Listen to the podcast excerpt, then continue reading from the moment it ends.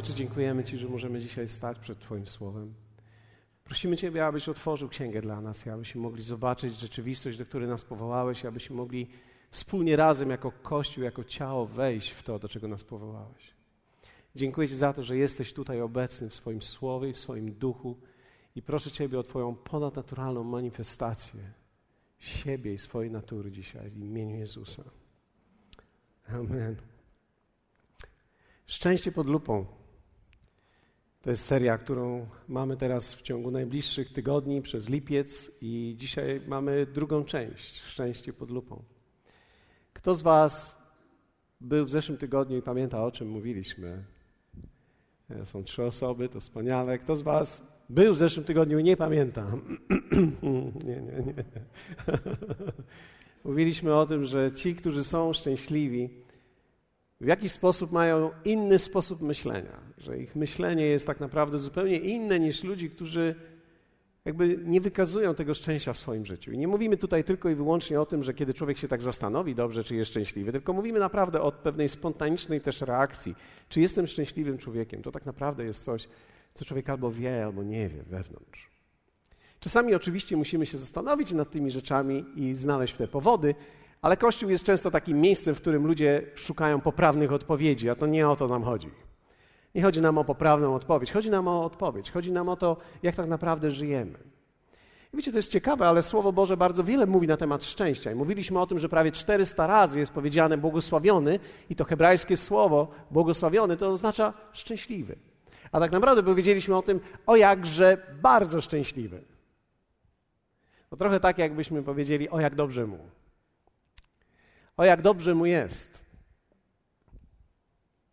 To jest bardzo ciekawe, ale to jest też związane z Bożą obietnicą w Twoim w moim życiu, dlatego że okazuje się, że Bóg zawsze chciał prowadzić Twoje i moje życie tak, aby narody, które są wokół, mogły powiedzieć tak o nas, o jak dobrze im, o jak dobrze Jemu jest. Pomyślałem sobie, że tak naprawdę, wiecie, religia tak bardzo mocno, i wy, wybaczcie za to słowo religia, ponieważ ja tutaj nie uderzam w żaden kościół w tej chwili, ale kiedy mówię o religii, to mówię o pewnym życiu, które jest pewnym rytuałem bez konsekwencji w życiu codziennym. To tak naprawdę sprawiło, że dzisiaj ludzie mają wyznanie, ale nie mają wiary. To sprawia, że ludzie są jakiegoś wyznania, ale ich życie jakby idzie swoim własnym torem.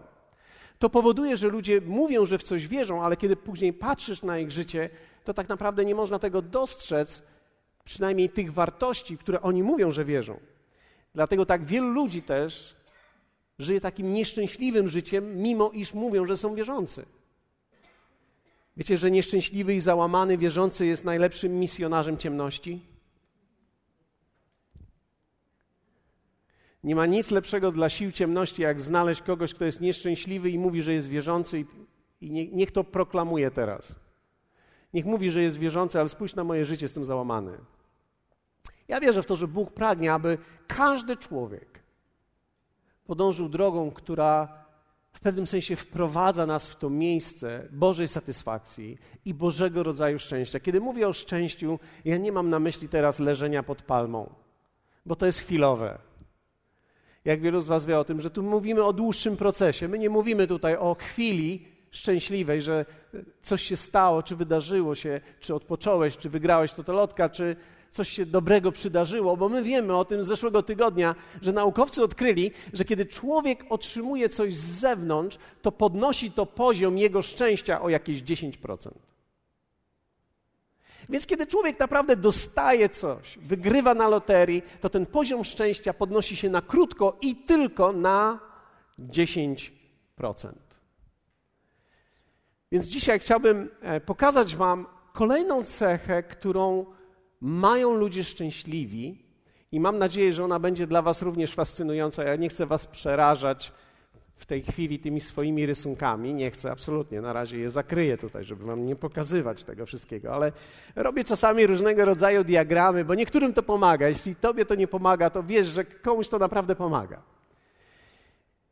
Jest inna cecha, którą mają też ludzie szczęśliwi, I zanim przejdę do tej cechy, chciałbym, żebyście spojrzeli na Psalm pierwszy, pierwsze trzy wersety. Psalm pierwszy, pierwsze trzy wersety. Jeśli ktoś z Was ma swoją Biblię, zachęcam Was, abyście ją otworzyli i abyśmy czytali również ze słowa, abyśmy nie przyzwyczajali się tylko i wyłącznie do tego, że ktoś nam wyświetla, bo kiedyś przyjdzie w życiu nam samemu znaleźć to. Więc szczęśliwy mąż, który nie idzie za radą bezbożnych, ani nie stoi na drodze grzeszników, ani nie zasiada w gronie szyderców, lecz ma upodobanie w zakonie Pana i zakon jego rozważa dniem i nocą. Będzie on jak drzewo zasadzone nad strumieniami wód, wydające swój owoc we właściwym czasie, którego liść nie więdnie, a wszystko, co uczyni, powiedzie się. Wszystko, co uczyni, powiedzie się. Szczęśliwy mąż, tu mamy dokładnie to hebrajskie słowo błogosławiony, szczęśliwy, błogosławiony człowiek, o jakże szczęśliwy jest ten. I teraz dalej kontynuuje tekst, idzie dalej i, i, i kończy jakby puentą, że wszystko, cokolwiek uczyni, powiedzie się. Więc pytanie, które chciałbym dzisiaj Wam zadać, to jest takie: czy szczęście przychodzi z efektów, czy też szczęśliwi ludzie mają efekty? Jak myślicie? Czy szczęście człowieka przychodzi z tego, że ma efekty? Czy też szczęśliwi ludzie mają efekty? Mhm, no, słyszę. Myślę, że obie te rzeczy są prawdziwe i słyszę te, te wasze podpowiedzi obie. Tak, obie te rzeczy są prawdziwe, z wyjątkiem tego, że kiedy szczęście przychodzi z efektów, znowu ląduje w 10%.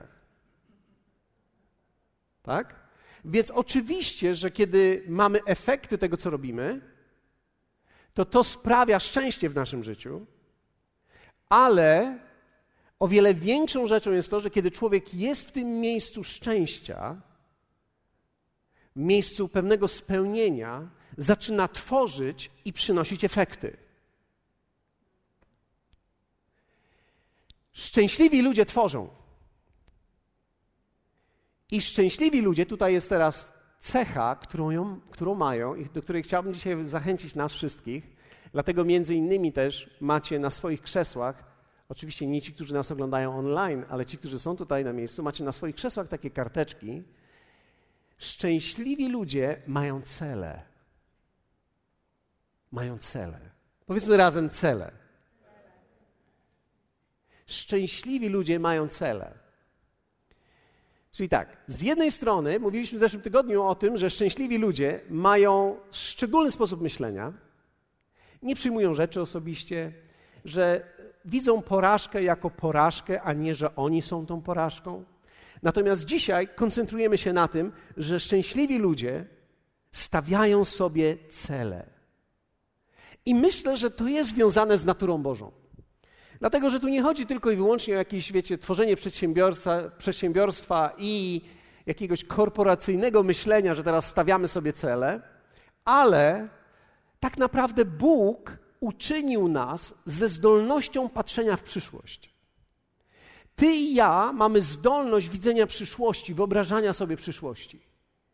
I mamy zdolność tworzenia tych celów, gdyż sam Bóg nawet on podejmował działania, ponieważ miał cele pewne w zamyśle. Bóg jest Bogiem celów. On ma plan, a zatem jeśli ma plan, to znaczy, że ma również cel dla Twojego życia. Amen? Bóg ma plan, zatem ma też cel dla Twojego życia.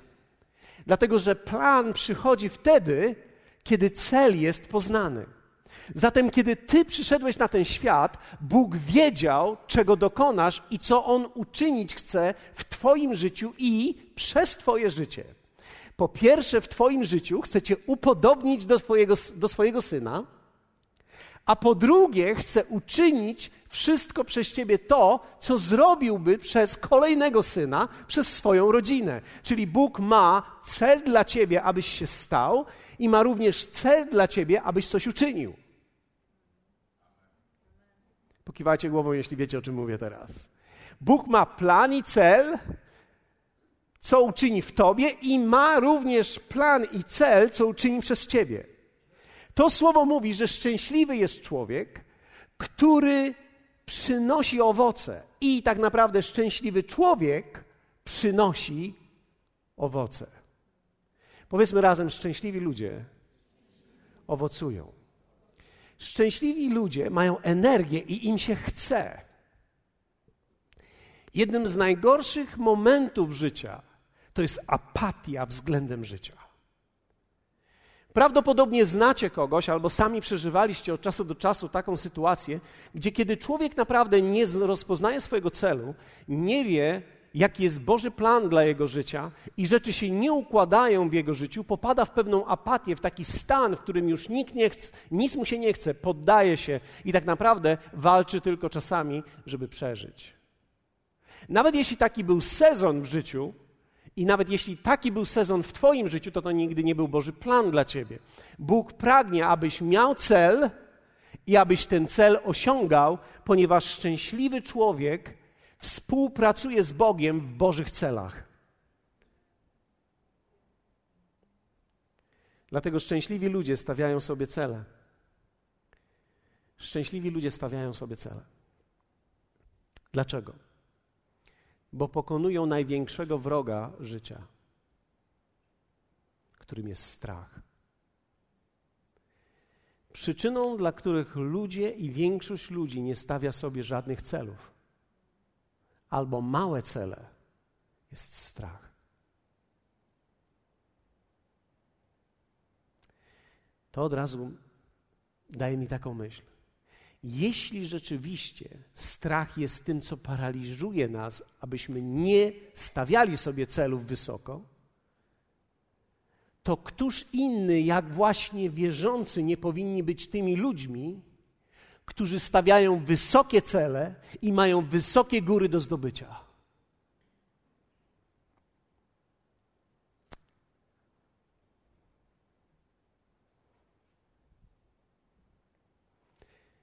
Wielki jest Pan.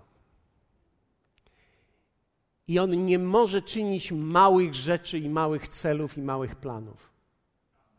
I On powołał Ciebie do swojego królestwa.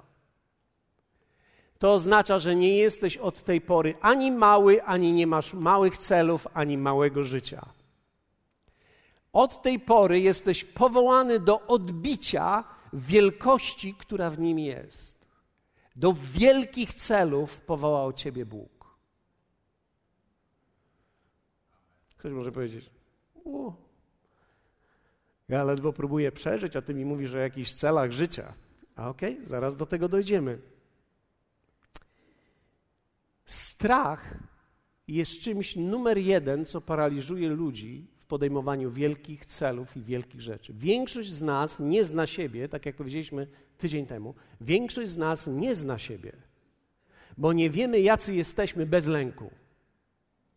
Nie wiemy, jak funkcjonujemy, gdy się nie boimy. Nie wiemy, jak byśmy funkcjonowali, gdyby nas stać było na podjęcie ryzyka. I ja nie mówię stać, mam na myśli finanse, stać wewnątrz na podjęcie ryzyka. Wielu z nas żyje poniżej poziomu swojego powołania. ponieważ się boimy. Bóg dzisiaj pragnie wyzwolić nas z tego lęku. Wierzę w to, że dzisiaj jesteśmy tutaj po to, aby Jego namaszczenie uwolniło nas i zmyło z nas przynajmniej część, jeśli nie cały, lęk, który jest w naszym życiu. Abyś mógł rozpisać swoje cele i zacząć marzyć o życiu, abyś mógł sięgać wyżej niż do tej pory sięgnąłeś.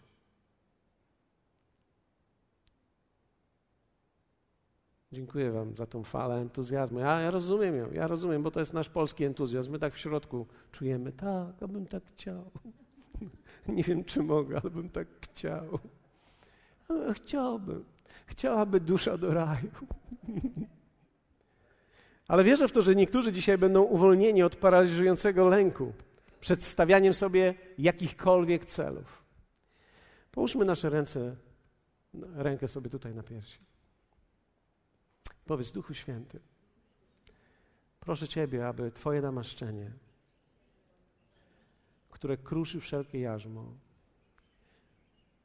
uwolniło mnie od wszelkiego lęku w moim życiu. Proszę Ciebie, Duchu Święty. Amen. Wierzę w to, że On będzie wysłuchiwał nas. Posłuchajcie. Chciałbym pokazać Wam stawianie sobie celów. Dzisiaj być może w taki sposób, jak ja to rozumiem, ale być może komuś się to, po, komuś to nie tylko się spodoba, ale pomoże Wam to. Jeśli, jeśli rzeczywiście tak jest, że każdy z nas został powołany do wyznaczania sobie celów, bo Bóg jest Bogiem celów, to każdy człowiek może mieć cele. To teraz, kiedy spojrzymy na ten diagram, to jest, to jest pewien rysunek, który przedstawia ważną, ważną rzecz. Tutaj mamy na tej osi wysiłek, czyli im bardziej wyżej tu jest, tym, tym mocniejszy wysiłek musi być podjęty. A tutaj są pewne możliwości, z którym każdy z nas się rodzi. Każdy z nas ma pewne możliwości. Możesz powiedzieć do swojego sąsiada: Ty też masz możliwości. Ty też masz możliwości. Ty je masz. A więc masz te możliwości, i tutaj mamy wiele różnych możliwości. Każdy z nas ma jakieś dary. Słowo mówi, że każdemu dał dary. Każdy człowiek ma dary. Ty nie musisz mieć tych darów, które ja mam, czy ktoś, kto siedzi obok ciebie, ale każdy człowiek ma dary. Niektórzy są tak przekonani, że nie mają darów, że gdyby zobaczyli, że się przekonać do tego, że człowiek czegoś nie ma, czyli do kłamstwa mają siłę, to o ileż bardziej mają siłę, żeby się przekonać do prawdy. Wiecie, czasami człowiek uparty mówi: Ja nie mam nic, tak jest uparty, że wykazuje ogromną siłę. Myślę sobie, że człowieku, gdybyś tą siłę, którą włożyłeś w negatywne rzeczy, umieścił w pozytywne rzeczy, wystartowałbyś już dawno. Więc nawet ci, którzy się upierają i mówią: Ja nic nie mam, ja nic nie umiem, to powiem tak, jak Bóg przez anioła powiedział do Gedeona: Idź w tej mocy, mężu waleczny bo to wymaga mocy i siły, żeby się człowiek tak na nie nastawił i się zaparł na nie dwie, na cztery nogi. Znacie takich ludzi, którzy się zapierają i tak nie. Czasami w dzieciach to widać. No nie są nastawione. To jest tylko i wyłącznie objaw ich siły, nie słabości. Ta siła jest tylko źle umieszczona. Więc każdy człowiek ma możliwości i każdy człowiek jest powołany do wysiłku. Halleluja. I teraz wyznaczamy sobie cele w takim wymiarze, gdzieś w tych miejscach. Bo teraz, jeśli wyznaczysz sobie w tym miejscu cel, gdzie będzie potrzebny wielki wysiłek, a masz małe możliwości, będziesz czuł się przytłoczony.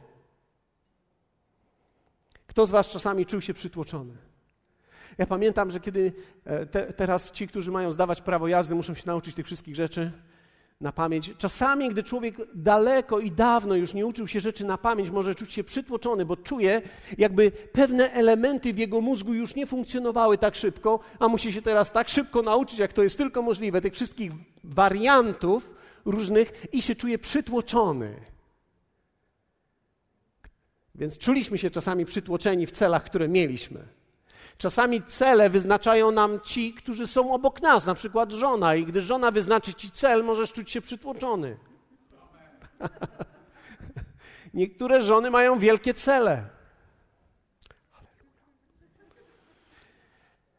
Ale Czasami możemy pójść w takie miejsce w życiu, gdzie wyznaczamy sobie takie cele, gdzie mamy duże możliwości, a wysiłek nie jest tak bardzo konieczny, i wtedy zapadamy w sen. Czyli tak, życie jest o, takie. O, teraz będą wakacje, a teraz będzie dobrze. A, a, ci, którzy mają teraz sezon, mówią: Nie, teraz jest sezon, teraz jest ciężka praca, ale później będą wakacje i później będzie urlop. I, i, i wyznaczanie sobie celów czasami oznacza: Ach, to będzie takie proste, to będzie takie łatwe, nie, nie ma żadnych problemów. I są ludzie, którzy lubią żyć w tym obszarze. I są ludzie, którzy lubią gdzieś też od czasu do czasu czuć się przytłoczeni. To nie jest Wiecie, to nie jest zbyt przyjemne, ale są ludzie, którzy czują, że od czasu do czasu potrzebują takiego kopniaka w górę trochę. Halleluja. Dobrze jest jednak żyć w tym miejscu i wyznaczać sobie cele, tak aby człowiek w sen nie popadł. Jak co u ciebie słychać? Mm, stara bida. Tu, tu, tutaj jest stara bida. Rozumiecie mnie? A, a co u ciebie słychać? Człowie tutaj. Człowieku. Oj, matko, jak ja się. Czy ja, ja, żebym to tylko połapał. A co u ciebie słychać tutaj?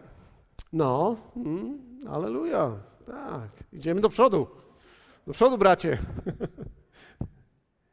Wiecie, są ludzie, którzy żyją w tych różnych miejscach. Cele zmuszają nas do pokonywania lęków. Wierzę w to, że Bóg chce, abyś wyznaczał sobie cele, które troszkę rozciągają ciebie, i tak naprawdę wierzę, w to najbardziej wierzę, że człowiek potrzebuje Boga, który mu wyznaczy cele. Dlaczego? Bo Bóg zna Twoje możliwości, a Ty ich nie znasz. Więc kiedy Bóg zna Twoje możliwości i wyznaczy Tobie cele, to będziesz przez chwilę może czuł się przytłoczony, ale jeśli pójdziesz w posłuszeństwie, to się rozciągniesz tak, jak nawet nie myślałeś, że to jest możliwe, żeby się rozciągnąć. Kto z Was czuje, że w życiu potrzebujesz rozciągania? Posłuchajcie, wszyscy potrzebujemy w życiu rozciągania.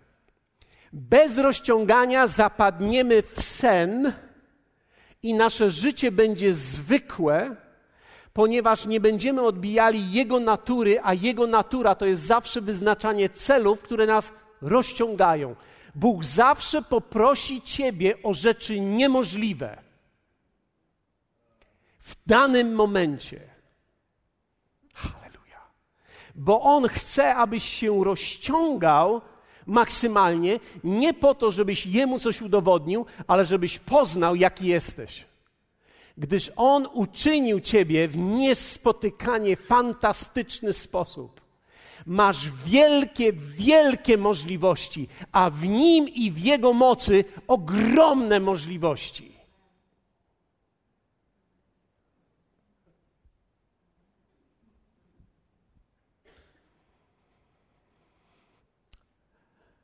Posłuchajcie. W tym kontekście posłuchajcie takich słów, które Jezus powiedział do wziętych rybaków i ludzi z pracy. Dwunastu zebrał.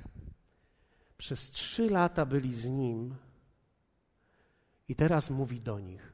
Posłuchajcie te słowa. W tym kontekście, co teraz powiedziałem. Idźcie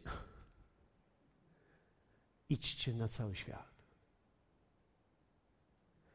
i czyńcie uczniami wszystkie narody. Proszę Was, chciałbym, żebyście przez chwilę zobaczyli ten obraz w tym kontekście. Ten łowił ryby, ten był celnikiem, i teraz po trzech latach stają i patrzą na niego. Każdy z nich zna siebie, według ciała. Jezus patrzy na nich i mówi: To ja już teraz idę, a teraz wy idźcie na cały świat i czyńcie uczniami wszystkie narody. Was, dwunastu. Idźcie na cały świat. Czy, czy dla kogoś z Was wygląda to jako cel rozciągający? Ja, ja myślę, że Piotr w tym momencie obgryzał paznokcie i od razu kalkulował. I teraz jak on odejdzie, to co my teraz mamy zrobić najpierw? Jak my mamy teraz iść na cały świat i narody uczyć? Hmm. Może stał tak i wiercił paluszkiem. Ja nie wiem, co on robił, ale jestem przekonany, że to odczucie celu i to poczucie, które w nich było, miało ogromny dystans. Jezus ich przesuwał i pokazywał im tu. Idźcie na cały świat. Zwróćcie uwagę, że Jezus nie powiedział do nich: No to już panowie, to najwyższe już minęło teraz w waszym życiu, teraz e, emerytura. Niech każdy z was się dobrze zabezpieczy, złówcie dużo ryb i, i do końca życia jakoś przetrwacie, aż przyjdziecie do mnie tam, gdzie ja idę. Nie, on ich nie wprowadził w sen. On ich wprowadził być może nawet na początku w pewne przytłoczenie celem, który miał dla nich, ale taki będzie Bóg również dla ciebie. Bóg będzie miał dla ciebie wielkie rzeczy, wielkie cele. On objawi je w wielkich marzeniach i będzie je testował w procesie. I kiedy je wypowiesz, być może zaliczysz, tak jak Józef, więzienie, jedno, studnie, dół, ale wielkie rzeczy ma Bóg dla każdego ze swoich dzieci. Wielkie rzeczy ma Bóg dla ciebie. Nie jesteś mały, nie jesteś zbyt mały, nie masz zbyt mało, nie masz za mało, masz dokładnie tyle, ile trzeba, aby wypełnić Boży wielki plan dla Twojego życia, gdyż Bóg ma plan względem Ciebie i On chce uczynić coś w Tobie i On chce uczynić coś również przez Ciebie. Nikt nie zna Cię tak dobrze jak Bóg. Kiedy On mówi, że możesz, to znaczy, że możesz. Potrzebujemy coraz więcej ludzi, którzy się zgodzą z tym, co Bóg mówi i przestają mówić to, co sami czują. Dlatego, że nigdy nie będziesz czuł się silny Musisz uwierzyć, że jesteś silny. Jeśli On dał ci cel, to znaczy, że On w ciebie wierzy. A kiedy Bóg w ciebie wierzy, to znaczy, że ma podstawę, aby w ciebie wierzyć.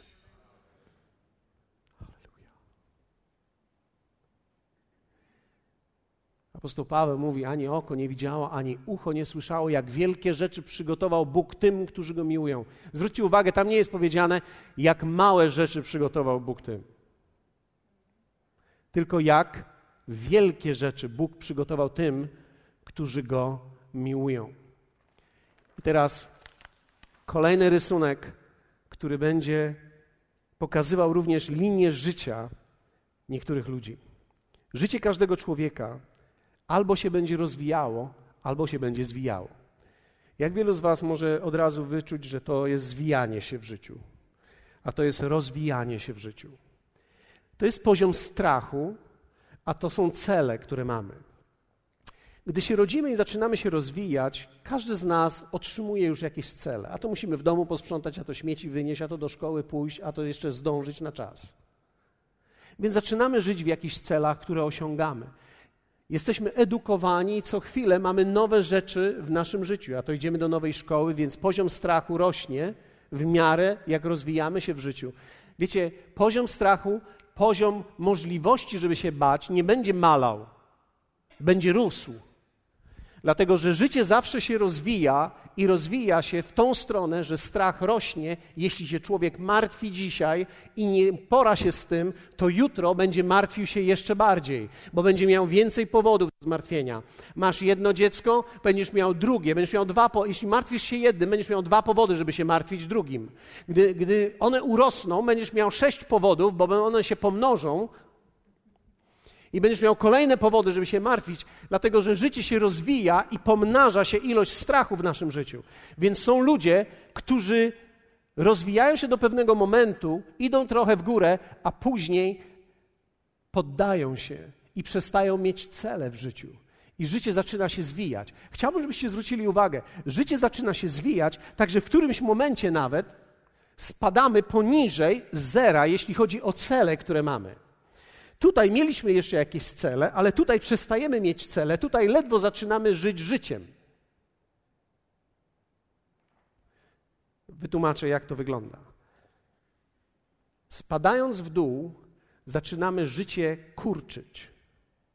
Bez stawiania sobie celów pokonujących lęk, nasze życie będzie się kurczyło.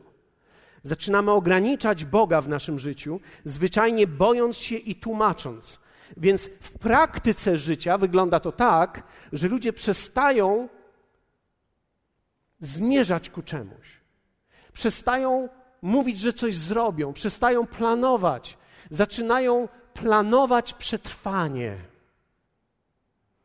A żeby tylko rachunki zapłacić, żeby tylko mieszkania mi nie zabrali, a później mi zabiorą mieszkanie, żeby mi tylko drugiego nie zabrali, a później mi już mam groźbę drugiego, a teraz e, jeszcze zrobiłem to i żeby mi tylko prąd nie odcięli i teraz żeby mi gazu nie odcięli, odcięli mi gaz, żeby chociaż mi tylko prąd został, odcięli mi prąd, żeby mi tylko woda została, to sobie podgrzeję na ognisku. Rozumiecie mnie?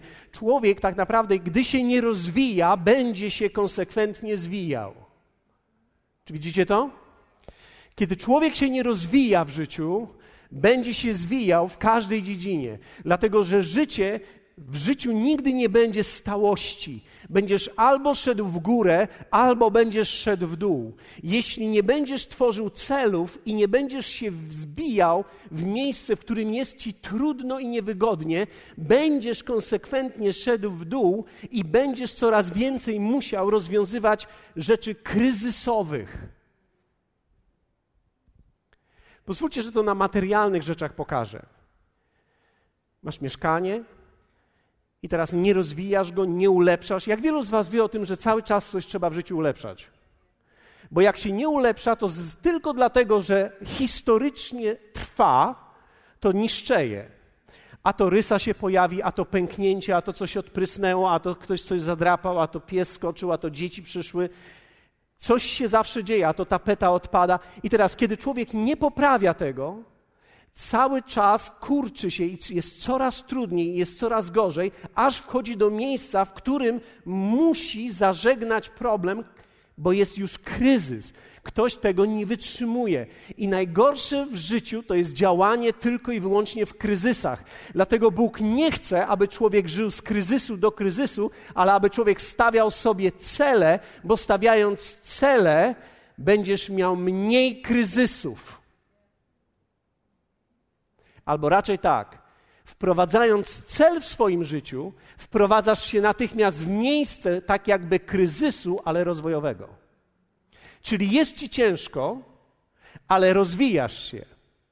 Ponieważ można, wiecie, niewygoda będzie i tu, i tu.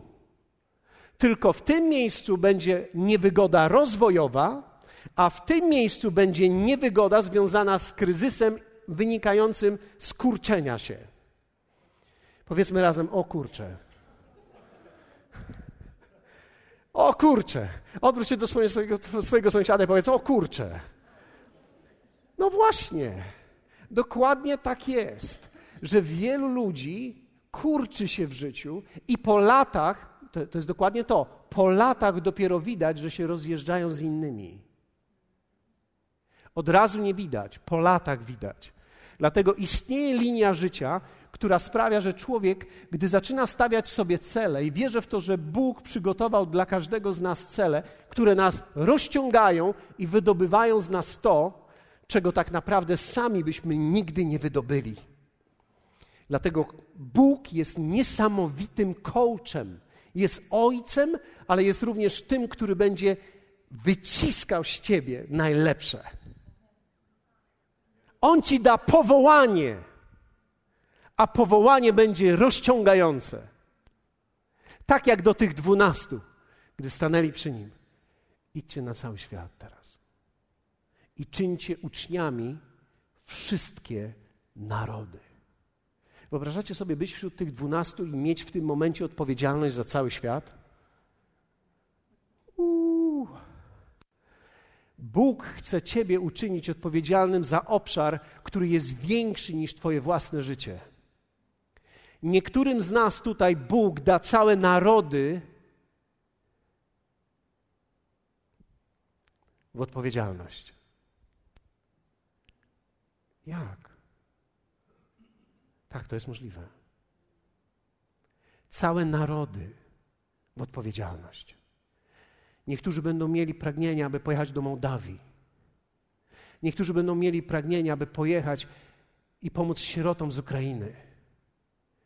I będziesz miał pragnienie, aby pomóc wszystkim sierotom na Ukrainie. I być może nie pomożesz wszystkim, ale Bóg umieści wewnątrz ciebie pragnienia dotyczące całego narodu.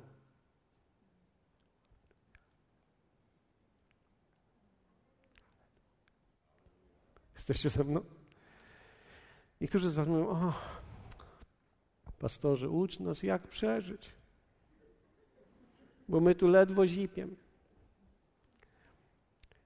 Tego nie mogę zrobić, bo Bóg nas tego nie uczy. Bóg nie uczy nas przeżycia.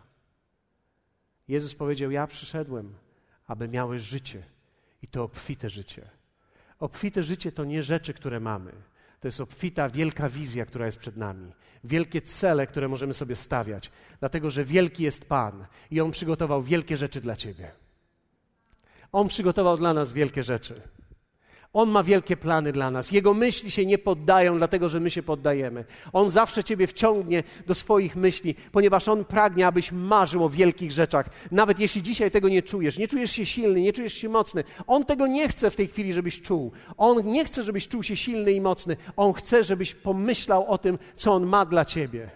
Dlatego, że to jest Jego siła i Jego moc i możliwości, które On ma, które umieszcza w, umieszcza w Tobie i w tym powołaniu, które przygotował dla ciebie.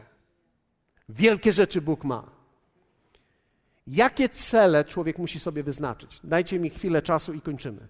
Trzy obszary, które macie na kartkach zaznaczone. Jeśli ktoś z Was ogląda nas online, możecie sobie to zapisać i zachęcam Was, abyście w tej chwili ich nie wypełniali, ale abyście je włożyli w swoje Biblię do torebek, ale żebyście przez chwilę popatrzyli na te cele.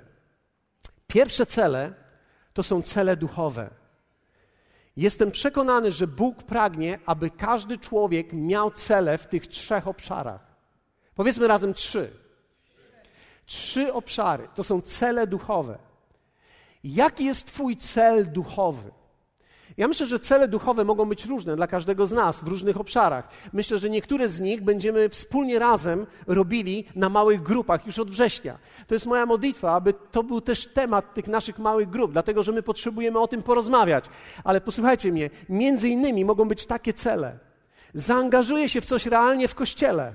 Nie będę tylko i wyłącznie przychodził, nie będę tylko obserwatorem, zaangażuję się w jakąś służbę. Być może ktoś z Was będzie miał taki cel: przeczytam Biblię w rok.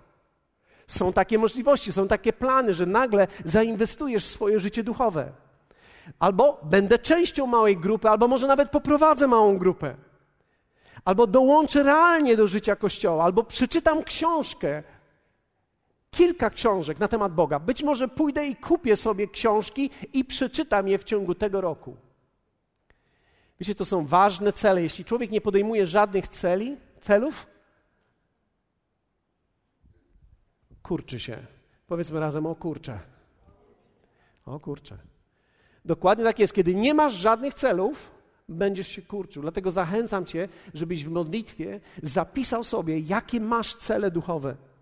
Druga rzecz to są cele dotyczące relacji. My mamy tam nazwane to jako cele relacyjne. Na przykład, zaprzyjaźnię się z kimś, zaproszę kogoś do mojego domu, zrobię grupę małą u siebie. Albo spędzę czas z rodziną. Naprawdę spędzę czas z rodziną. Albo poprawię moją relację z moją żoną. Już dawno z nią nie rozmawiałem, jestem zaganiany, mamy dzieci, jest, wszystko się dzieje, ale nie mam czasu, żeby z nią porozmawiać.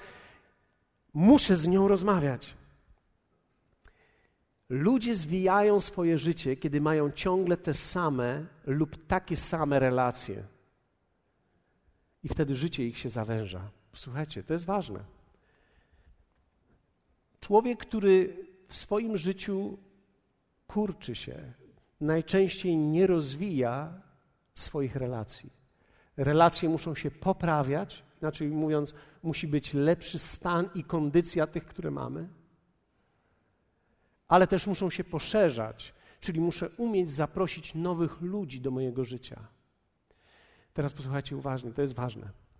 Jeśli stawiasz sobie cel w relacjach, szukaj ludzi, którzy pną się w górę, ponieważ oni ci też pomogą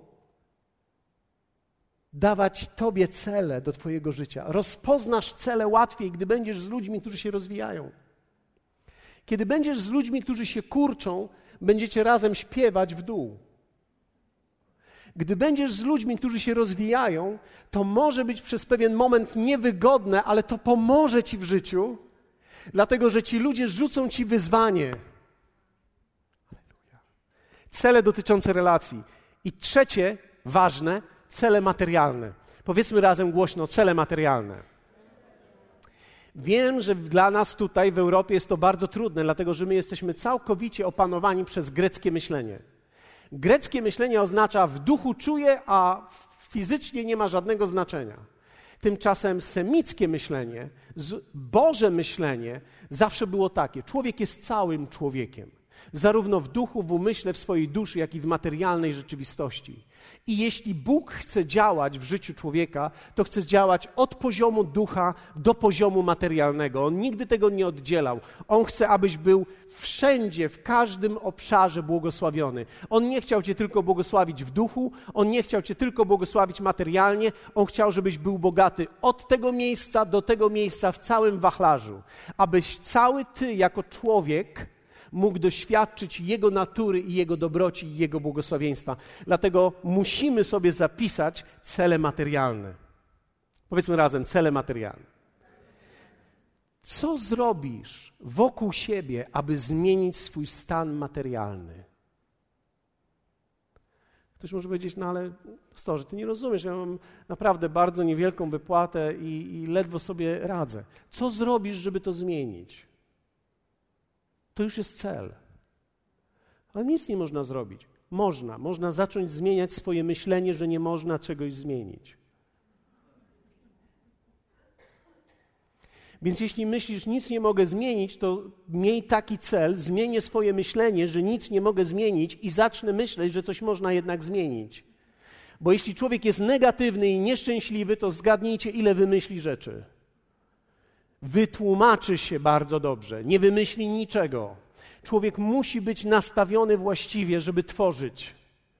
Dlatego też, nawet jeśli jest ci źle teraz i jesteś na nie, to postaw sobie cel, żeby podniosę swojego ducha, że zacznę czytać słowo i zobaczę, że słowo podnosi mnie. A jeśli masz jakiś obszar finansowy, którym zarządzasz, Naucz się żyć wewnątrz Niego. Naucz się budżetować tak, żeby ci coś zostało. O, ja nie umiem, ja jestem swobodny w wydawaniu. Widzisz, Bóg nauczy cię budżetowania tak, że tak naprawdę każdego miesiąca można coś odłożyć, nawet małego, żeby coś poprawić. Nawet jeśli byś każdego miesiąca miał odłożyć 20 zł tylko, to po kilku miesiącach masz na farbę do swojej łazienki i możesz odmalować sufit i nie będzie żółty.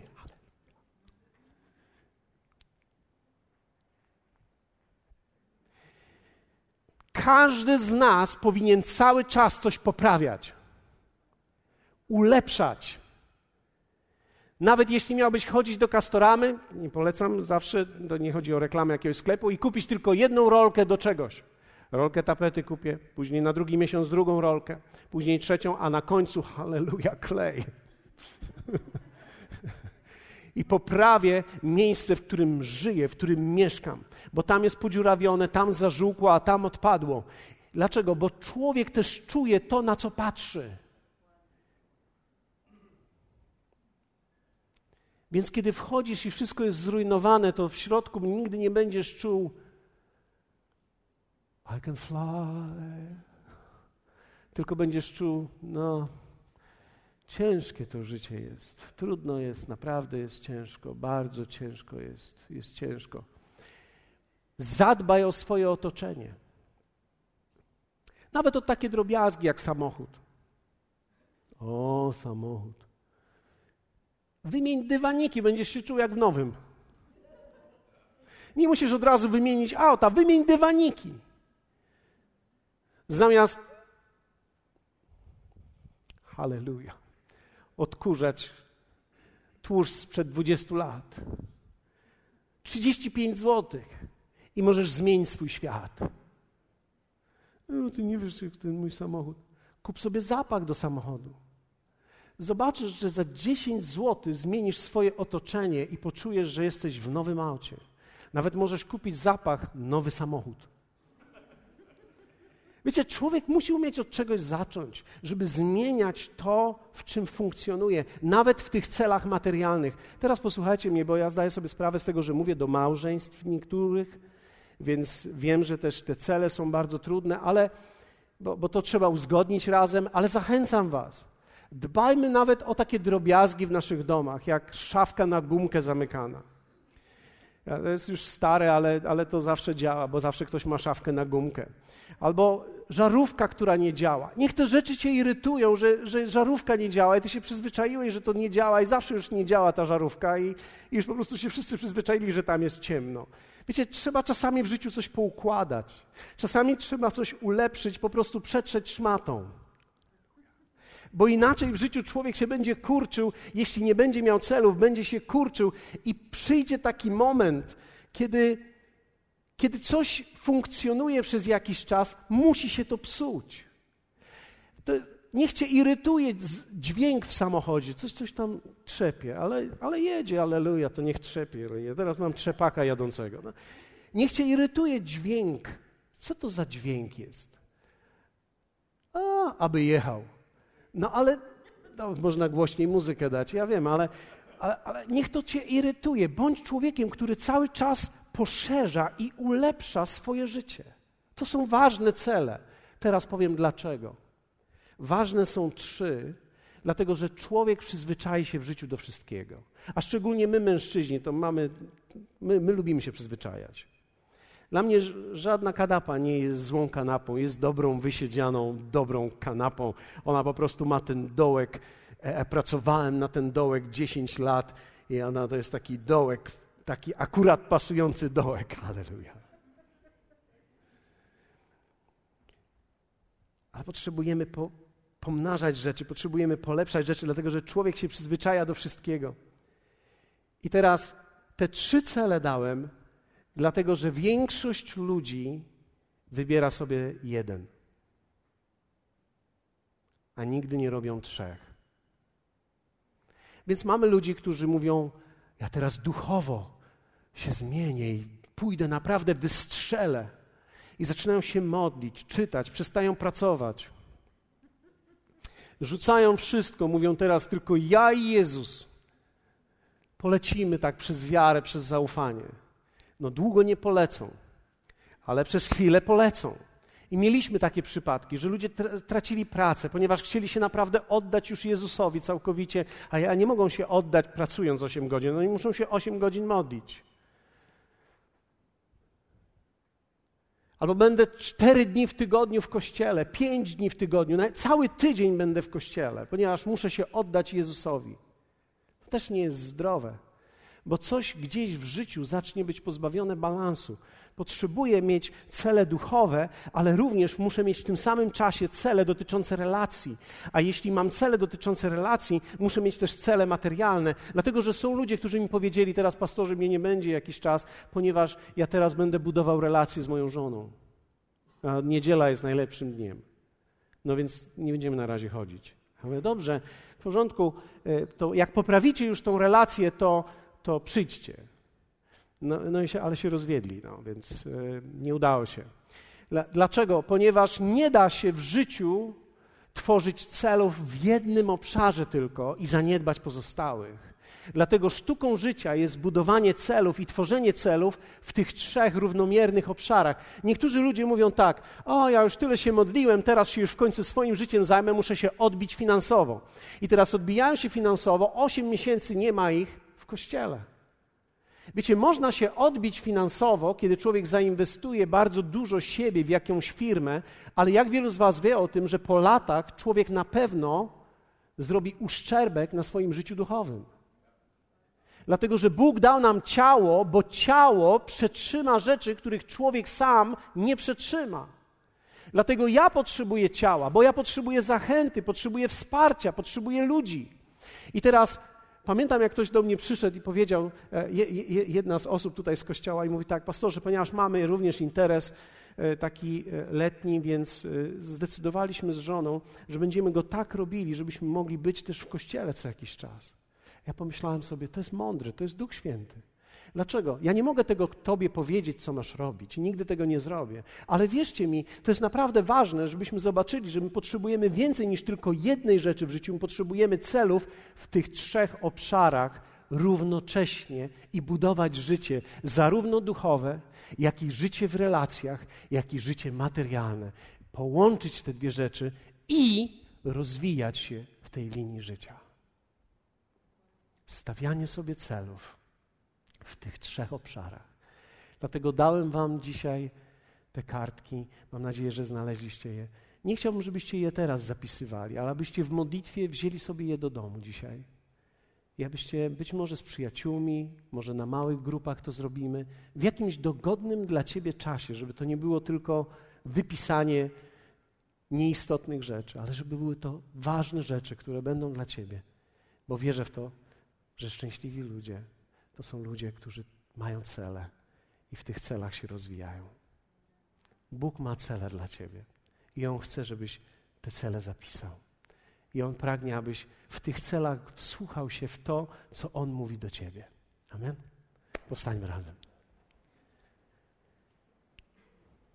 Dlaczego powinniśmy to robić? Boże plany zawierają w sobie rozciąganie i czynienie niemożliwych rzeczy.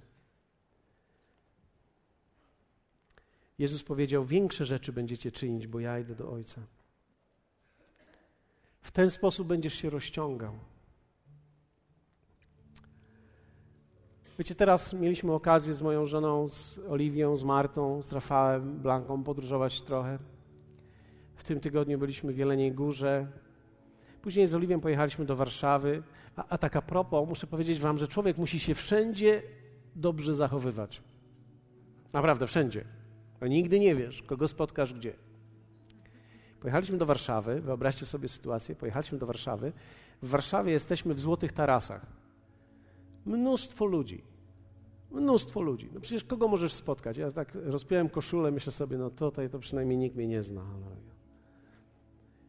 I za chwilę idziemy dalej i słyszę, dzień dobry. Patrzę na tą kobietę, mówię, skądś znam. Pani z kasy, z Sano, gdzie robię zakupy.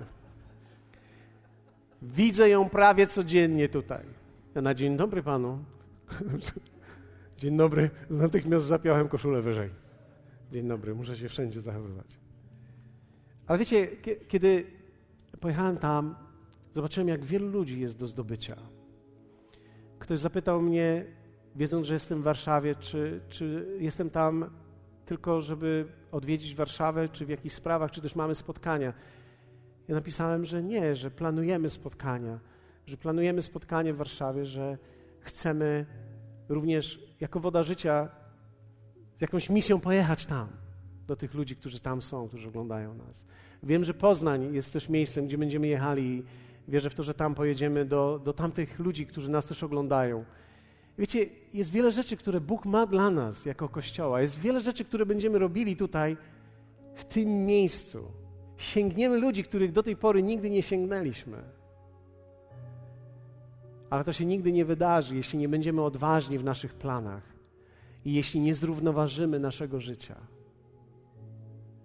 Kto z Was chciałby tworzyć te plany razem, abyśmy budowali życie zarówno duchowe, jak i w relacjach, jak i to materialne? Dlatego, że jeśli cokolwiek wystrzeli i zostawi te dwa cele pozostałe gdzieś daleko, to to nas zatrzyma. Jeśli ja pojadę na misję, nie będę dbał o relacje, to może zdobędę ludzi, ale z, z moje dzieci, moje wnuki, moja żona zostawią mnie. Jeśli pójdę i będę tylko szukał materialnych rzeczy, to prawdopodobnie moje relacje i moje życie duchowe zginie. Ale jeśli wspólnie razem, jako Kościół, będziemy dbali o te trzy obszary, każdy z nas będzie wyznaczał cele, to razem, nie jedna osoba, ale razem dokonamy ogromnych rzeczy dla Niego. I ten kraj będzie zmieniony. Będziemy widzieli przemianę w tym kraju, w tym mieście. Dlatego, że wspólnie razem, balansując w celach życiowych, przyjmiemy plan, który On ma dla nas i zdobędziemy ten świat dla Niego. Dlatego teraz chciałbym, żebyś przez chwilę możesz znieść swoje ręce do Niego w takiej prośbie lub też w swoim sercu powiedzieć proszę Ciebie, Duchu Święty, pomóż mi wsłuchać się w Twój głos, abym mógł czynić plany, tworzyć cele, które płyną z Twojego serca. Pomóż mi napisać cele, które mnie rozciągną. Pomóż mi zadbać o wszystkie obszary. Pokaż mi miejsca, które są słabe. I spraw, abym mógł rozwijać moje życie. Bo Ty powiedziałeś w swoim słowie, że ani oko nie widziało, ani ucho nie słyszało, tak wielkie rzeczy Bóg przygotował tym, którzy Go miłują. A ja jestem tutaj i moje serce wyrywa się do Ciebie, kocham Ciebie. Pomóż mi wejść w ten plan, który Ty masz dla mnie. O to Ciebie dzisiaj proszę. W imieniu Jezusa. Wszyscy powiemy razem.